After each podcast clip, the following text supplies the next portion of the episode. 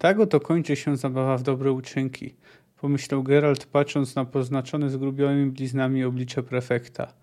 Tak kończy się odgrywanie szlachetnego Wiedźmina gwoli miłosierdzia dla bandy zafajdanych leśnych ludzi. Tak kończy się pragnienie luksusu i nocowanie w oberżach, w których zawsze znajdzie się szpicel. Takie są skutki podróżowania z gadułą wierszokletą.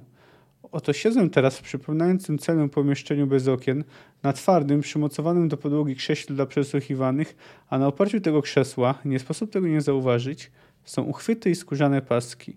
Do skrępowania rąk i unieruchomienia szyi. Na razie nie użyto ich, ale są. Jak do jasnej cholery mam się teraz wywinąć z tej kabały?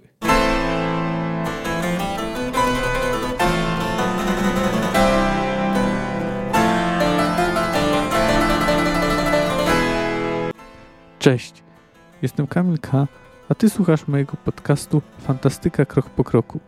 Analizuję w nim rozdział po rozdziale lub opowiadanie po opowiadaniu wybrane książki fantastyczne. Zapraszam.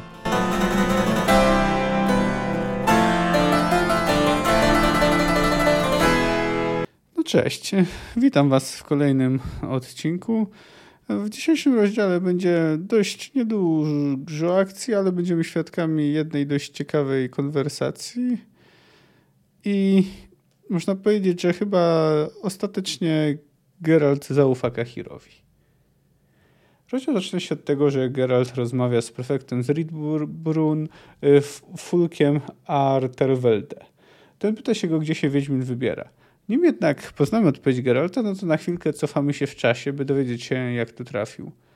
Otóż dotarł do Riedburn, yy, które jak się właśnie okazało było całkiem celem y, Bartników. Yy, no to, to ono się właśnie znajduje na tych stokach, gdzie to rzekomo mieli wywędrować drui, drui, y, druidzi. No i właśnie ten, który ich, Bartnik, który ich okłamał, przybył do nich z informacją, że ponoć y, Y, druidzi przebywają nad jeziorem Loch Monduin. Geralt chce wyruszyć tam od razu, ale reszta grupy protestuje, bo chce uzupełnić problem ekwipunek, a Jaskier chciałby się przespać w porządnych warunkach w zajeździe. No i następnego dnia, gdy część drużyny poszła właśnie uzupełnić zapasy, to Geralt i Jaskier yy, chodzą po mieście w towarzystwie krewnego Bartnika, aby zasięgnąć informacji. Docierają do jakiegoś rzekomego poszukiwacza diamentów, który twierdzi, że wie, gdzie są druidzi i trochę mało jest w nie najlepszym stanie, bo jest po prostu pijany, ale odpowiada e, dość e, spokojnie. No ale tak czy tak do dalszego toptowania nie dochodzi, bo pojawiają się żołnierze, którzy zapraszają Geralta do prefektury. Pewność daje im przewaga liczebna, aczkolwiek no nie wiadomo, jakby to się skończyło. W każdym razie Geralt Y, nie robił sceny, no i dał się zaprowadzić, ponieważ y, żołnierz zaznaczył, że nie jest aresztowany. Jak się okazuje, prefekt Fulk został poinformowany przez uciekinierkę z bandy Słowika imieniem Angolem, że oto jest planowany zamach na niego, na Geralta. Jakiś półelf y, wynajął właśnie bandę, której przewodzi wspomniany Słowik, aby wyeliminować Wiedźmina. I czekają na niego w Belhaven. E, co ciekawe, choć Angolem e, dysponuje wieloma bardzo szczegółowymi informacjami na temat grupy Wiedźmina, łącznie z tym, że sobie obcięła e, warkocz, no to nie zgadza się jej rachunek. Twierdzi, że podróżuje on w cztery osoby, podczas gdy jest ich już od jakiegoś czasu pięcioro. No i tutaj jeszcze warto wspomnieć, że gdy tylko Angolem powie coś niestosowanego, to stojący blisko strażnik na znak prefekta bije ją, że młode to płoche.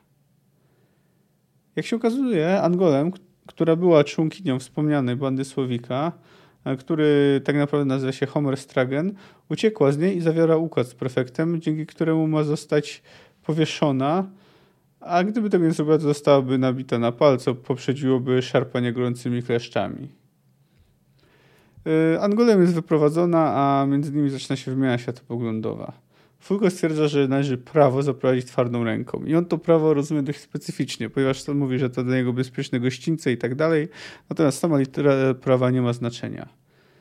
Geralt twierdzi, że mm, te działania, ta brutalność, jaką chce zaprowadzić Fulko, nie doprowadzi do sprawiedliwości, a do większych zbrodni. Prefekt proponuje Geraltowi umowę. Wiedźmin pozbędzie się Słowika, a prefekt nie będzie ich indagował, kim są i nim poinformuje o ich obecności Nilfgaardzki wywiad, to pozwoli dotrzeć do Tusau.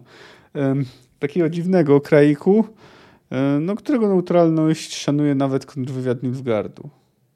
Geralt stawia dwa warunki. Ale pierwszy odpada, bo Fulko, dość poirytowany, mówi mu, że druidów nie ma nad jeziorem już od miesiąca i że on przecież musi o tym wiedzieć. I że powędrowali właśnie do Tusą, no, gdzie na drodze, do której to miejscowości zaczęły się Słowik. Drugim warunkiem było przekazanie mu Angolem. Fulko akceptuje ten warunek w zasadzie bez wahania. Podróżuje dalej. Geralt ta martwi to, że Angolem wiedział o obciętym warkoczu Milwy, a nie wiedziała, w ile osób podróżują. W rozmowie z Regisem zdradza swoje podejrzenia. Regis mówi, że to nie, nieładna myśl, no i że powinno, trzeba znaleźć inne wytłumaczenie. No oczywiście Geralt chce wypytać tego półelfa, który dał, który dał zlecenie na ich głowy, y, kto polecił mu zrobienie tego. Jaskier, gdy słyszy o tym, stwierdza, że to nie ma sensu, że to na pewno Milwa albo Dijkstra, y, tfu, nie, przepraszam, nie Milwa, tylko Mewe albo Dijkstra. No, ale Regis stwierdza, że nie, że to tak nie jest. No tak czy owak Jaskier nie wejdzie, weźmie w eskapacie, tak samo nie weźmie w niej udziału Regis, który przyznaje się do tego, że jest tchórzem. No Milwa nie do końca się z tych zdarza, bo jakby nie y, patrzeć, uratował, uratował y, jej życie. No y, w, w każdym razie, no tak czy owak Regis nie ma ochoty brać udziału w żadnych walkach. Geralt stwierdza, no, że w tej sytuacji no to Regis, Kahir i Jaskier udadzą się do Tusą.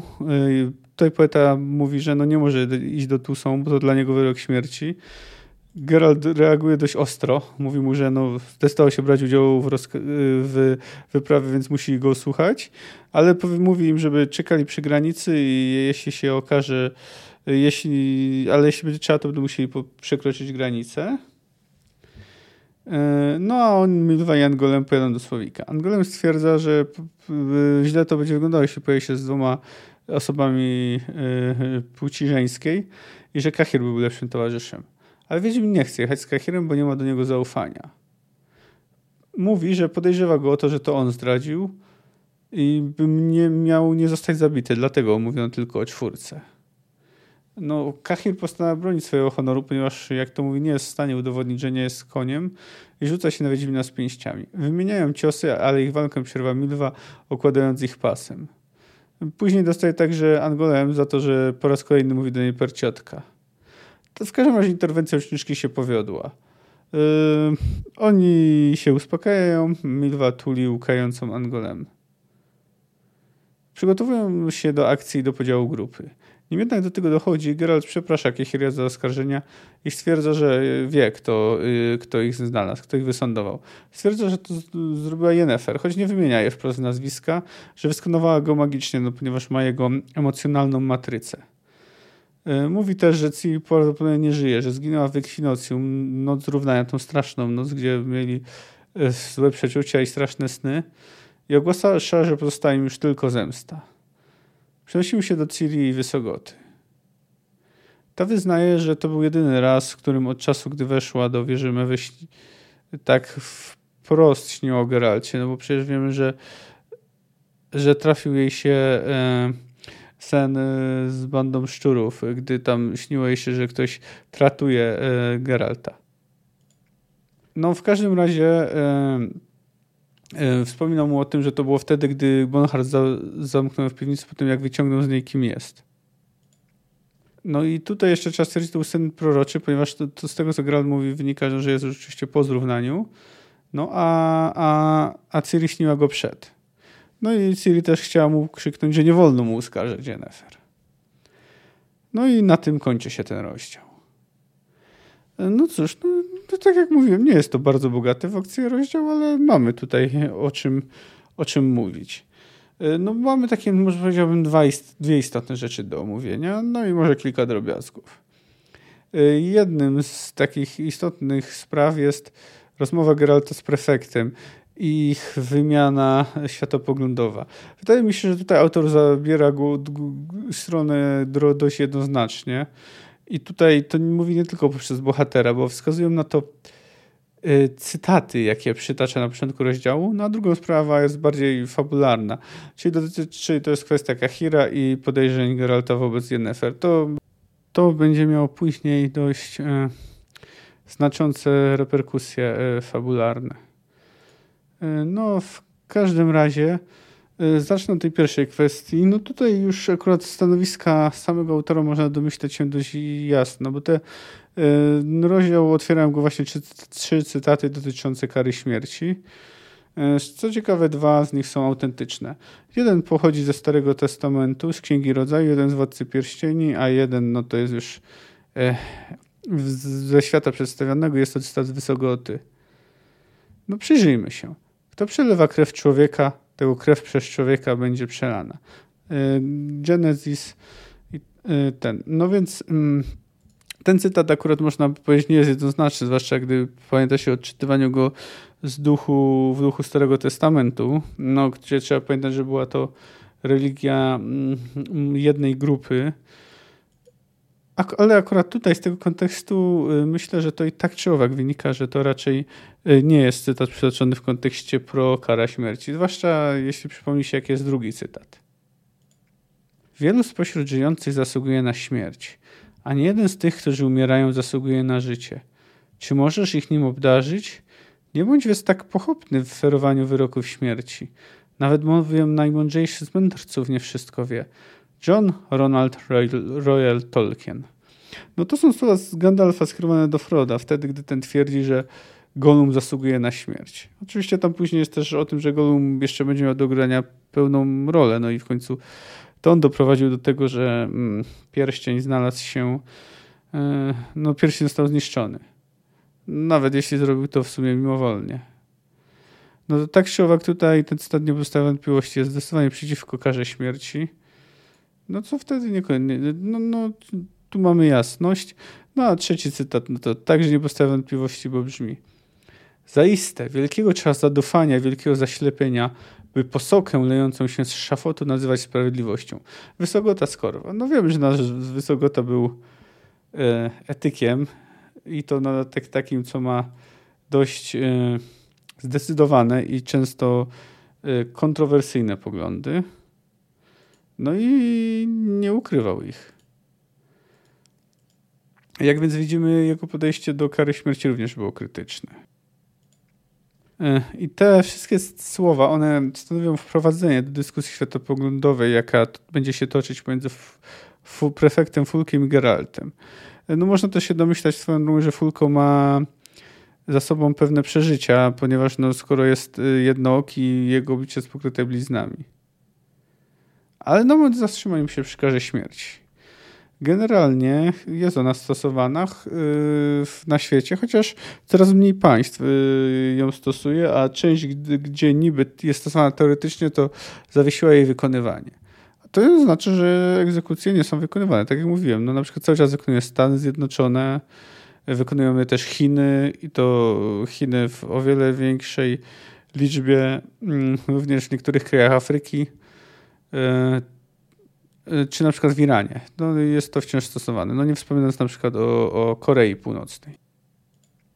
No w każdym razie, gener ale generalnie, jeśli mogę użyć takiego pojęcia, to w naszym kręgu politycznym, e, no mówimy tu powiedzmy o Unii Europejskiej, generalnie karę śmierci już, no z trudności jest odrzucana także z przyczyn etycznych. To znaczy, chociaż raz na jakiś czas ktoś próbuje do niej wracać, no tak jak my na przykład widzimy, zwłaszcza w przypadku jakiegoś szczególnie brutalnego morderstwa czy gwałtu. E, no tak, politycy populistycznie próbują w ten sposób e, nabić sobie poparcie, grając na emocjach. No ale generalnie to trzeba przyznać, że temat jest zamknięty. Tutaj no, można wspomnieć, że pewną rolę w tym podejściu odegrał Y, papież Jan Paweł II, który zdecydowanie y, sprzeciwiał się karze śmierci, no i mówił to otwarcie. No, to nie jest oczywiście mm, instrukcja dla wiernych, więc y, wolno zajmować inne stanowiska, ale generalnie Ze słów także w papieża Franciszka wynika, no, że on także jest niechętny karze śmierci.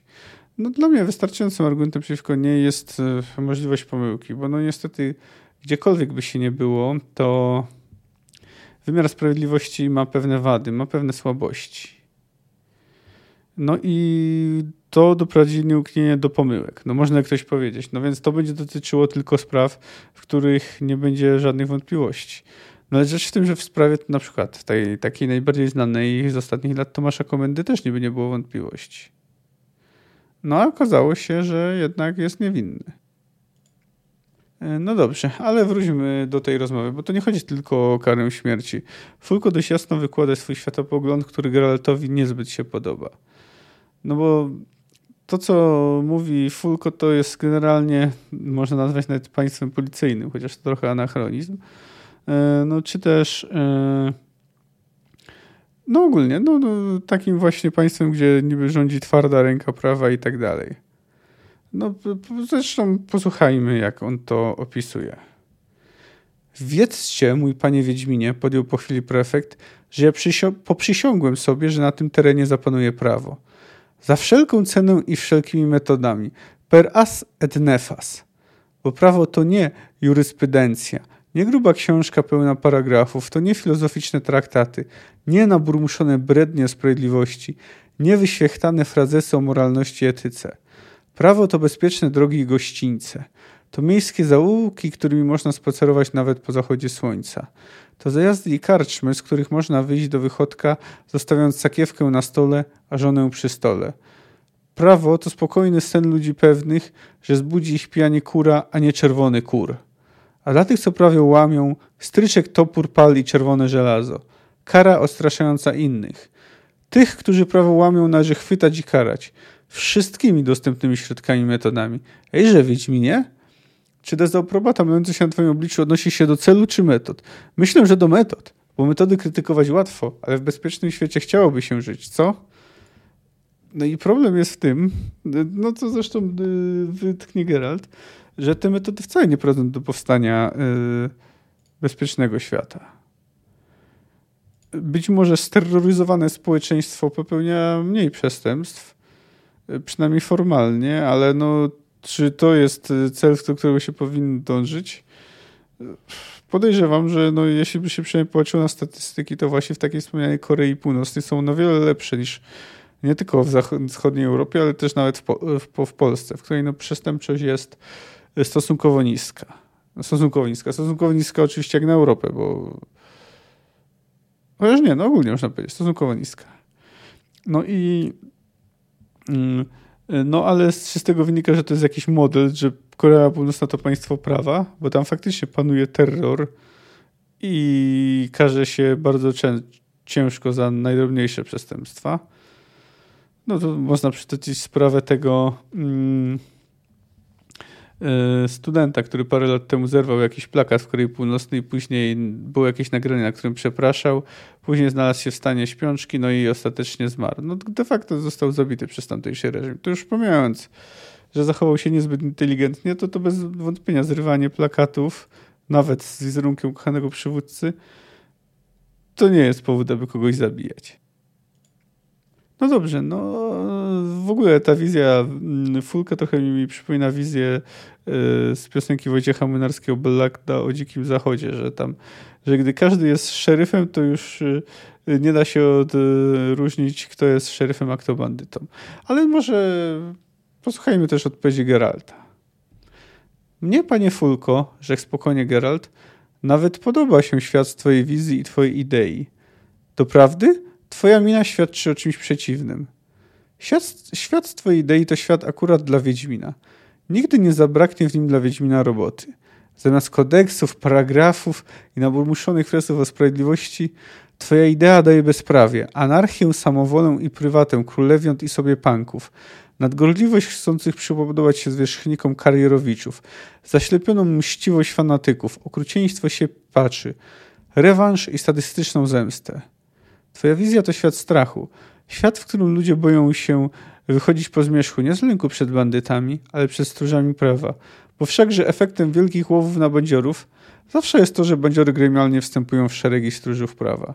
Twoja wizja to świat łapownictwa, szantażu i prowokacji. Świat świadków koronnych i świadków fałszywych. Świat szpiclostwa i wymuszonych zeznań. Donosicielstwa i strachu przed donosem. Nieochronnie przyjdzie dzień, gdy w twoim świecie poszarpie się obcęgami piersi niewłaściwej osoby, gdy niewinnie się kogoś powiesi lub wbije na pal. Wtedy to już będzie świat zbrodni. Krótko mówiąc, dokończył, świat, w którym Wiedźmin czułby się jak ryba w wodzie. Proszę, powiedział po chwili milczenia Fulko Artewelde, trąc przysłonięty skórzaną Artewelde, trąc przysłonięty skórzaną klapką oszodu. Idealista, Wiedźmin, profesjonał, zawodowiec od zabijania, a jednak idealista i moralista. Niebezpieczne to w twoim fachu, Wiedźminie. Znak to, że zaczynasz z twego fachu wyrastać. Któregoś dnia zawahasz się, czy ciąć szczygę, bo a nuż to niewinna szczyga? Bo a nuż to ślepa zemsta i ślepy fanatyzm? Nie życzę ci, by do tego doszło. A gdyby kiedyś, nie życzę ci tego również, ale to przecież możliwe. Ktoś w okrutny i sadystyczny sposób skrzywdził bliską ci osobę, wówczas z chęcią wróciłbym do tej naszej rozmowy, do problematyki kary proporcjonalnej do winy. Kto wie, czy wówczas też tak bardzo różnilibyśmy się w poglądach? Mm, no więc tak, no więc e, w sumie tak na marginesie to Gerald już czasami się zastanawia, czy takie potwory nie są niewinne. Wystarczy przypomnieć tego skorupiaka, e, którego napotkali, gdy podróżowali z e, Zoltanem Chivejem i jego grupą. No gdy mm, gdy Geralt po prostu tego potwora przegonił, a zamiast go zamiast go zabijać, ale oczywiście no, argumenty Fulka są strasznie średnio przekonujące, bo tu mamy odwołanie do emocji, no a wizję jego świata, no to, to znamy, no bo wiemy, co to, co to, bo przed chwilą o niej mówiliśmy. Zresztą, no, nawet do naszego obecnego stroju można znaleźć pewne podobieństwa w tym, co mówi Geralt, chociaż rzeczywiście jesteśmy jednak od tego na całe szczęście daleko. No w każdym razie tu pogląd Geralta jest jasno wyrażony że takie twarde, takie wprowadzanie prawa, wprowadzanie prawa, które jest rozumiane jako sprawiedliwość, a nie jako litera, można powiedzieć, tak tłumacząc dzisiejsze, że wola narodu jest silniejsza od prawa, no to nieuniknienie prowadzi do właśnie zbrodni, o czym dość jasno mówi, mówi Geralt. I, no i generalnie ja się z nim zgadzam. Jeszcze co do tych stróżów prawa, no to jest faktycznie, że no, jest do nich niechęć obecna e, praktycznie wszędzie e, na świecie, mniejsza lub większa. Oczywiście to nie oznacza, że wszyscy policjanci są źli, e, natomiast nie da się ukryć, że wielu z nich nie wiem, czy to, to, to niekoniecznie specyfika pracy, ale, ale że przynajmniej niektórzy z nich trafiają tam, bo mogą bezpiecznie znęcać się nad słabszymi, bo mogą to robić w majestacie prawa i nikt, nic ich za to nie spotka. No zresztą mnie, ma, mnie ile tam zdarza się przypadków, że ktoś został pobity czy skrzywdzony na komisariacie. No i nikt za to później nie ponosi odpowiedzialności. No są i gorsze sprawy. Jak no, na przykład no, e, sławna sprawa e, Igora Stachowiaka, no to, to też jest przecież tylko czubkiem e, góry lodowej. No oczywiście, to jeszcze raz trzeba podkreślić, że to nie jest tak, że policja, policja jest niezbędna. Postulaty tam likwidacji po, pozycji, zastąpienia ich, jak to postulowano niedawno w Stanach, znaczy jak to robią niektóre środowiska lewicowe, żeby zastąpić ich pracownikami socjalnymi są oczywiście kretyńskie idiotyczne. Tak samo jak y, swego czasu Maja Staśko chciała u nas, że jest czas na polską akcję Defund de Police. Zresztą Defund de Police i w Stanach stało się hasłem tymczasowym i, i niepopularnym, a co dopiero mówić u nas, gdzie faktycznie policja jest niedoinwestowana. Co nie znaczy, że nie ma problemu z brutalnością, bo może jesteśmy tego świadkiem dość często. Zresztą, yy, a propos policjantów, to przypomina mi się taki dialog, znaczy nie cytuję go dosłownie, ale to jest dialog z książki Raymonda Chandlera, gdzie detektyw Marlowe rozmawia z, jednym z policjantów, który jest raczej skorumpowany. I właśnie ten policjant mówi do niego: Ty po prostu nienawidzisz policjantów, przyjacielu. No a Marlow mu odpowiada: Są miejsca, gdzie policjanci nie są nienawidzeni. Problem w tym, że w żadnym nie utrzymałby się pan na stanowisku. No, no więc właśnie, no więc policjanci są oczywiście różni. Natomiast specyfika tej pracy sprawia, że no niektórzy faktycznie mogą się do niej nająć. Zwłaszcza gdy dostaną duże uprawnienia i czują, że zwierzchnicy zawsze za nimi stoją. Chociaż też należy się wystrzegać pochopnych sądów. A jeszcze co do tego emocjonalnego argumentu y, pana Fulka, że no co by było, gdyby ktoś skrzywdził bliską mu osobę i czy by inaczej nie, nie patrzył. No i to jest właśnie tego rodzaju e, emocjonalna argumentacja. No, znamy przypadek z prawdziwego świata. No, myślę, że to warto przytoczyć, y, bo y, w gdy były wybory prezydenckie w 1988 roku, gdy gdy to było już po dwóch kadencjach Ronalda Reagana i kandydatem republikanów był jego wiceprezydent, czyli George Bush senior, a kandydatem demokratów był Michael Dukakis, który zresztą znalazł się na tym stanowisku trochę przypadkowo, ponieważ faworyt główny wypadł ze względu na skandal. No i właśnie tego Dukakisa dziennikarz CNN ówczesny y, zapytał, y, ponieważ Dukakis był przeciwnikiem kary śmierci, więc no trochę w tym naszym temacie, zapytał go, czy gdyby jego żona została zgwałcona i zamordowana, nadal popierałby zakaz kary śmierci? No, no Dukakis generalnie odpowiedział, że tak, ale jego odpowiedź była mm, odebrana jako wyprana z emocji i to mu bardzo zaszkodziło. Nie tylko to, bo tam była też dość nieudolna e, sesja w czołgu, no w każdym razie to był, przegrał, jeśli chodzi o głosy elektorskie zdecydowanie. No tak czy owak, obydwa te pytania to jest zwyczajnie emocjonalna manipulacja. Po prostu, no, wiadomo, że człowiek inaczej podchodzi do rzeczy, które go dotyczą, ale tym niemniej nie powinny one zmieniać jego ogólnych poglądów. Dobrze, myślę, że ten temat e, mamy zamknięty. No to teraz jeszcze kilka słów o oskarżeniach, jakie mm, Geralt rzucił na Kahira, chcąc może nie myśleć o tym, że to Yennefer mogła zdradzić. No i jest oczywiście ta cała scena, można powiedzieć, akcji jedyna w tym rozdziale, czyli walka pomiędzy Kahirem i Geraltem. Przytoczę tutaj taki dłuższy cytat. W ogóle teraz już będzie sporo cytatów do końca rozdziału. Zastanawiało nas, Geralt potoczył wzrokiem po twarzach kompanów, jak mogło dojść do rzekomego błędu w rachunku. Wiecie o czym mowa? O tym, że jest nas piątka, nie czwórka. Myśleliśmy, że ktoś się po prostu pomylił. Tajemniczy półelf, rozbójnik Słowik albo Angolem. A co jeśli odrzucić wersję błędu? Wtedy nasuwa się wersja następująca. Drużyna liczy pięć osób, ale Słowik ma zabyć tylko cztery, bo piąta to sprzymierzenie zamachowców. Ktoś, kto stale ich informuje o ruchach drużyny. Od początku, od momentu, kiedy po zjedzeniu słynnej ryby, rybnej zupy drużyna się sformowała, przyjmując do swego składu Nilfgaardczyka. Nilfgaardczyka, który musi dopaść Ciri, musi ją oddać cesarzowi Emyrowi, bo od tego zależy jego życie i dalsza kariera. A więc jednak nie myliłem się, powiedział wolno Kahir. Jednak jestem zdrajcą, podłym dwulicowym sprzedawczykiem. Geralt, odezwał się znowu Regis. Wypatrz szczerość, ale twoja teoria jest dziurawa jak stare Rzeszoto. A twoja myśl, mówiłem ci to już, jest nieładna. Jestem zdrajcą, powtórzył Kahir, jak gdyby nie słyszał słów wampira.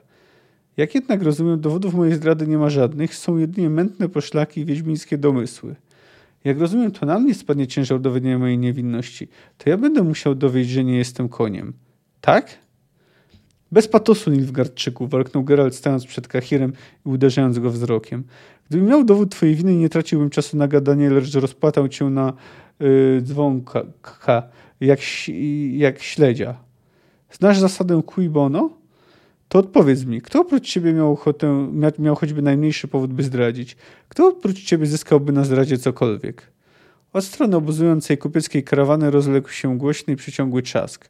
Na czarnym niebie gwiaździście eksplodował czerwono-złoty szmermę. Race wyszczelił rojem, yy, rojem złotych pszczół, opadły kolorowym deszczem. Nie jestem koniem, powiedział młody Nilfgaardczyk dźwięcznym, mocnym głosem. Niestety, udowodnić tego nie mogę. Mogę zrobić coś innego. To, co mi przystoi. To, co zrobić muszę, gdy się mnie lży i znieważa. Gdy plami się mój honor i kala moją godność. Jego ruch był szybki jak błyskawica. Mimo tego nie zaskoczyłby Wiedźmina, gdyby nie jego bolałe, komplikujące ruchy kolano. Unik nie udał się jednak Geraltowi, a pięść wjeździeckiej rękawicy trzasnęła go w szczękę z taką siłą, że poleciał w tył i runął wprost w ognisko, wzbijając kurzawę iskier. Zerwał się, przez ból w kolanie znowu za wolno. Kahir już był przy nim. I tym razem Wiedźmin nie zdążył nawet się uchylić. Pięść huknęła go w bok głowy, a w oczach rozbłysły kolorowe fajerwerki. Piękniejsze nawet od tych wyszczeliwanych przez kupców.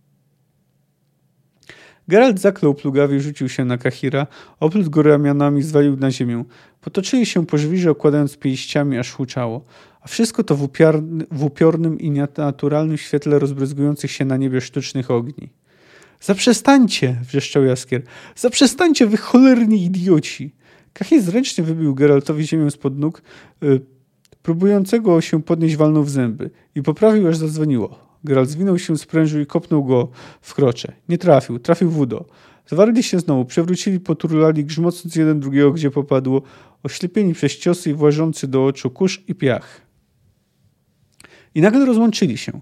Potoczyli w przeciwne strony, kuląc się i chronąc głowy przed świszczącymi razami. Milwa, odpasawszy z bioder gruby skórzany pas, chwyciwszy za klamrę, owinąwszy wokół napięstka, dopadła wojowników i zaczęła ich łoić. Od ucha z całej siły, nie żałując ni rzemienia, ani ręki. Pas świstał z suchym trzaskiem, spadał na ręce, barki, plecy i ramiona, już to Kahira, już to Geralta. Gdy rozdzielili się, Milwa skakała od jednego do drugiego jak pasi konik, nadal piorąc ich sprawiedliwie, tak by żaden nie dostał ani mniej, ani więcej od drugiego. Wy taki głupie! wrzasnęła szczaskiem waląc Geralta przez plecy. Wy durnie durnowate! Ja was rozumu nauczę, obydwu! Już? Wrzasnął jeszcze głośniej, smagając Kahira po rękach, którymi zasłaniał głowę. Przeszło wam? Uspokoili się? Już! zajął Wiedźmin. Dość! Dość! zawtórował zwinięty w kłębek Kahir. Wystarczy! Wystarczy, powiedział wampir. Naprawdę już wystarczy, Milwo. Całkiem zabawna scena, no pomijając już tam jej początek, ale jej zakończenie jest całkiem zabawne. Zresztą pomijając, pomijając już tam to wszystko to chyba i Geraltowi Kahirowi to dobrze zrobiło. E, no oczywiście z jednej strony to, to uzasadnienia Geralta nie brały się totalnie z niczego. Jakby nie patrzeć, no to faktycznie mogło być tak, że ktoś ich zdradził i faktycznie Kahirowi z punktu widzenia mm, łaski cesarza, no to dotarcie do celi było jego jedyną szansą. Z drugiej jednak strony, no, widzieliśmy, że był wieziony w trumnie do Nilfgaardu.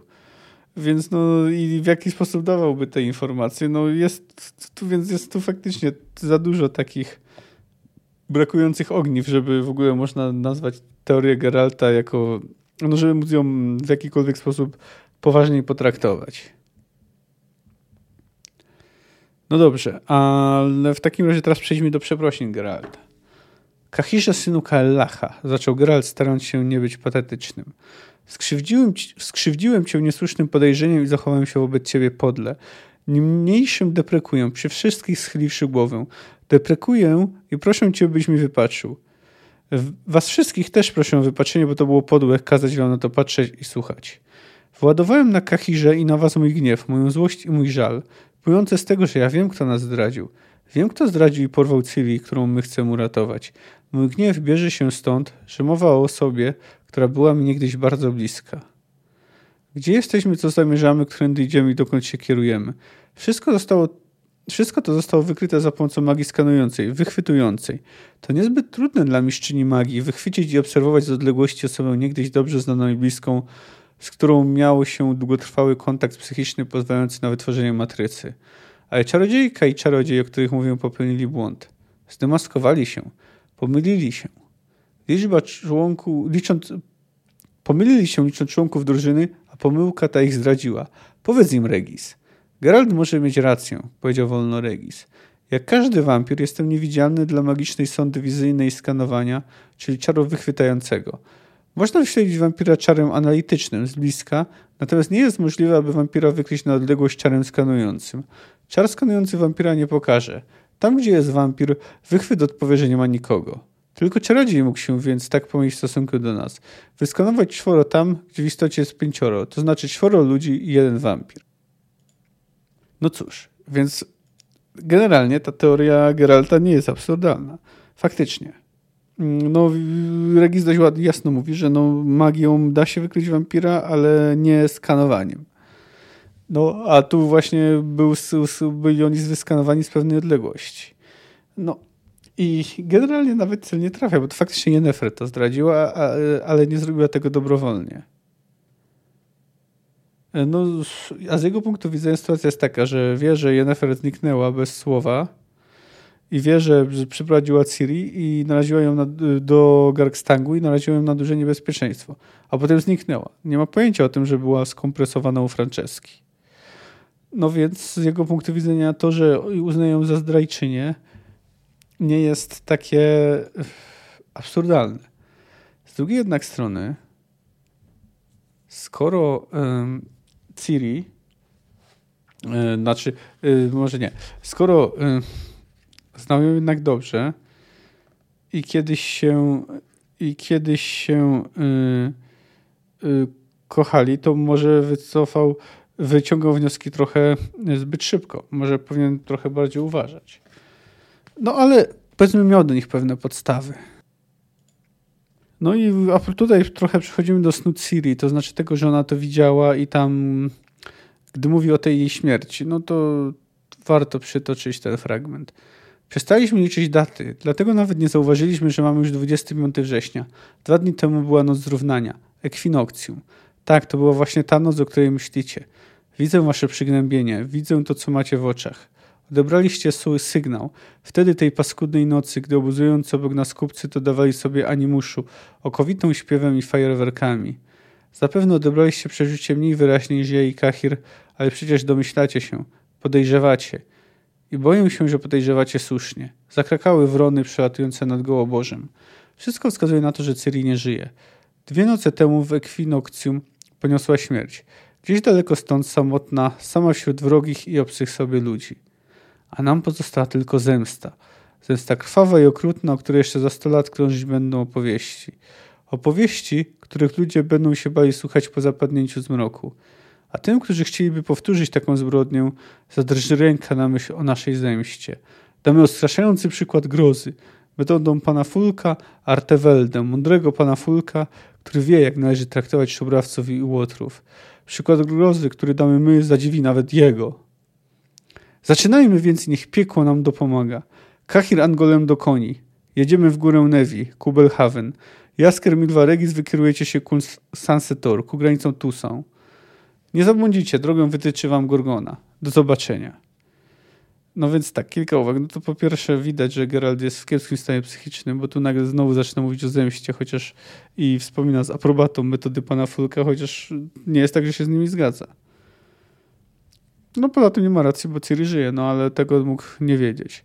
Zresztą wiemy, że była bliska śmierci. No, gdyby nie trafiła do Wysogoty, to prawdopodobnie by zmarła. A widzimy też, że istnieje pewna łączność między Geraltem i Ciri. Zresztą Geralt dość często nie istnił. Ciri rzadziej, ale no zdarzyło się. To zresztą ciekawe, że Ciri widziała przyszłość, a nie teraźniejszość, no ale to tylko podkreśla, że jest w pewien sposób no jej zdolności. Zresztą dowiedzieliśmy już, bo już jej się takie coś zdarzało. Można powiedzieć, że omówiłem już najważniejsze, no, no, omówiłem już najważniejsze sprawy, ale kilka słów można poświęcić Angolem, chociaż e, więcej o dziewczynie dowiemy się w następnym rozdziale, więc też nie będę tutaj zbytnio rozlekał tego tematu. W każdym razie początkowo Geralt bierze ją za Ciri. To wychodzi trochę z tego, że gdy, że jakby spodziewał się jej ujrzeć z jakiegoś powodu, tak, tak czuł, no a po drugie jest w podobnym wieku co Ciri, no i tak jasne włosy no, tak pozornie może wydawać się e, do niej podobna. Oczywiście ma inny kolor włosów i tak dalej, więc to nie, nie, nie jest Ciri. E, no i, i tu widać, że jej język jest dość typowy dla kryminalistów, czym tak na marginesie nie, może nie różnić się od Ciri, której też e, gdy bredziła u Wysokoty też zdarzało się wtrącać słowa właśnie z żargonu kryminalistów, przestępców. No, ale Angolem raczej chyba jeszcze bardziej wulgarna. No, ma też taką manierę, żeby nazywać każdą napotkaną kobieta, przynajmniej tak nazywa Milwę, ciotką, a czy Regisa, czy Geralta mój wujciu. Oczywiście za to, że Geralt y, uratował jej życie, jest mu bardzo wdzięczna jego słucha. W tym kontekście taki ciekawą postać ten strażnik, który nie ją krzywdzi, ale robi to na polecenie Fulka i wydaje się niechętnie, dlatego cały czas przeprasza, że młode to płoche i tam na przykład gdy coś powiedziała, a nie kazałbyś, to tak zerknął na niego z obawą. Widać, że nie chciał tego robić. W sumie nie wiem jak ocenić, czy można postać nazwać sympatyczną? To jest oczywiście zupełnie nieistotne, ale, ale ciekawe. Zresztą ten strażnik jest pewnie trochę ograniczony intelektualnie. Tutaj, no co tu jeszcze można wspomnieć? No, pseudonim Słowik, jaki nosi y, ten nasz szef bandy. Y, wieża Jaskółki y, wyszła w roku 1997. No a tutaj trzeba, warto dodać, że gang, że przywódca, jeden z przywódców gangu Pruszkowskiego nosił właśnie pseudonim Słowik. No a lata 90. to był poniekąd e, szczyt e, działalności tej grupy. No chociaż już powiedzmy można ocenić, że no już zaczęli, zaczęli powoli, powoli ginąć. W każdym razie no no, no, no można powiedzieć tyle, że nie był to przyjemny czas i chyba nie wiem, czy to jest jakaś daleko idąca inspiracja, ale, ale pseudonim mógł zostać wzięty właśnie od tego człowieka. No, yy, może taka jeszcze uwaga językowa, bo mm, pada takie słowo, zresztą padowało już wcześniej, yy, Hanza. Było i używane i na określenie szczurów, i na, tak była mowa o Hanzie Valdeza, i tak samo o Hanzie Skelena mówiono i tutaj tego takiego pojęcia używa Angolem. Tutaj w świecie przedstawiam to jest słowo z języka nilfgaardzkiego, co oznacza zbrojną kompanię połączoną więzami przy, przyjaźni. No jest to też słowo, które istnieje w naszym świecie. No to jest generalnie to w czasach średniowieca to był związek y, kupców, które tam się wzajemnie siebie wspierały i utrudniały pracę kupcom, którzy nie należeli do związku. No, powstawały y, w różnych miejscach, no, w Niderlandach, ale także mm, u nas na północy y, były miasta y, należące do do Hanzy, czy też no, na północy naszego kraju, które często dość mocno no, no, no, miały mocny, no, mocny wpływ. Na przykład no, by, by był na przykład Kołobrzeg, Y, Słupsk Szczecin by, by, były członkami y, Hanzy. I tak swoją drogą Hanza to jest y, gromada po, to jest od słowa Hanze, które oznacza po niemiecku gromada. No czyli w sumie po, można powiedzieć, że podobny termin. No i tak już kończąc, no to jeszcze warto może przytoczyć ten samo zakończenie rozdziału, który znów jest ten powtarzający się motyw Cyrii i Wysogoty. Gdyby po zmroku ktoś podkradł się do chaty z zapadniętą szczechą, gdyby zajrzał przez szparę w okiennicy, zobaczyłby w skąpo oświetlonym wnętrzu białobrodego starca w skupieniu słuchającego powieści popielato-włosej dziewczyny z policzkiem zeszpeconym paskudną blizną. Zobaczyłby czarnego kota leżącego na kolanach dziewczyny, leniwie mruczącego dopraszającego się głaskania, ku uciesze harcujących po izbie myszy. Ale tego nikt nie mógł zobaczyć. Chata z zapadniętą ją szczechą była dobrze ukryta wśród mgieł, na bezkresnych bagnach perpeplutu, na które nikt nie odważał się zapuszczać. No tyle na dziś. Nie jest to wybitny rozdział, ale jest dość ciekawy, skłaniający do myślenia. Rozmowa Fulka z Geraltem jest ciekawa. No, mamy tu też fabuła może nie została bardzo popchnięta do przodu, chociaż stosunek E, Ciri, Geralta do Yennefer będzie dość istotny w tym, co będzie później robił. A Jan Golem jest całkiem ciekawą postacią, o której dowiemy się więcej w następnym rozdziale, ponieważ znów będziemy towarzyszyć Geraltowi i jego grupie. To jest dobry rozdział, ale omawiałem lepsze. E, no to e, tyle na dziś. Jeśli chcecie się ze mną skontaktować, to najlepiej byście na maila kamil.fantastyka.gmail.com, ale możecie użyć też Instagram lub Facebooka, yy, nie Facebooka, tylko Twittera, gdzie jestem jako fantastyka yy, krok po kroku. No, podcast możecie znaleźć na Spotify, Apple Podcast, yy, Deezerze, Stitcherze, SoundCloudzie, YouTubie i w innych miejscach. Yy, na dziś to tyle. Mm, w przyszłym tygodniu wyjeżdżam na klik na trzy dni, w sumie to cztery, no na cztery dni, ale wydaje mi się, że powinienem zdążyć z rozdziałem na czas, y, znaczy z odcinkiem na czas, a jeśli nie, no to bierzcie pod uwagę, że mogę się lekko, lekko spóźnić. Cześć.